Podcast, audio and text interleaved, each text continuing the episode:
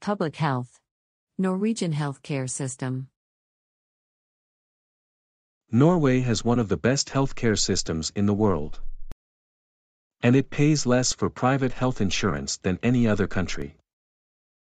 And all Norwegians are covered by the National Insurance Scheme, which is managed by Norwegian Health Economics Administration and is financed by taxation and personal pocket payments.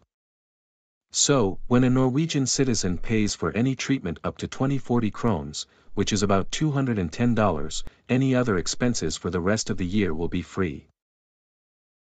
However, the healthcare policy is controlled by the government.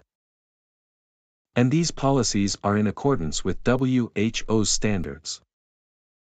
WHO helps the government by monitoring the implementation of policies in a legal framework with consideration of equity and human rights. In Norway the government is responsible to finance and manage the hospital sector. But the responsibility for the provision of healthcare is decentralized and handled by local municipal authorities. And by this, Norway is divided into four regional health authorities. And each region is responsible to organize and finance the primary healthcare services, according to local demands. Thank you for watching.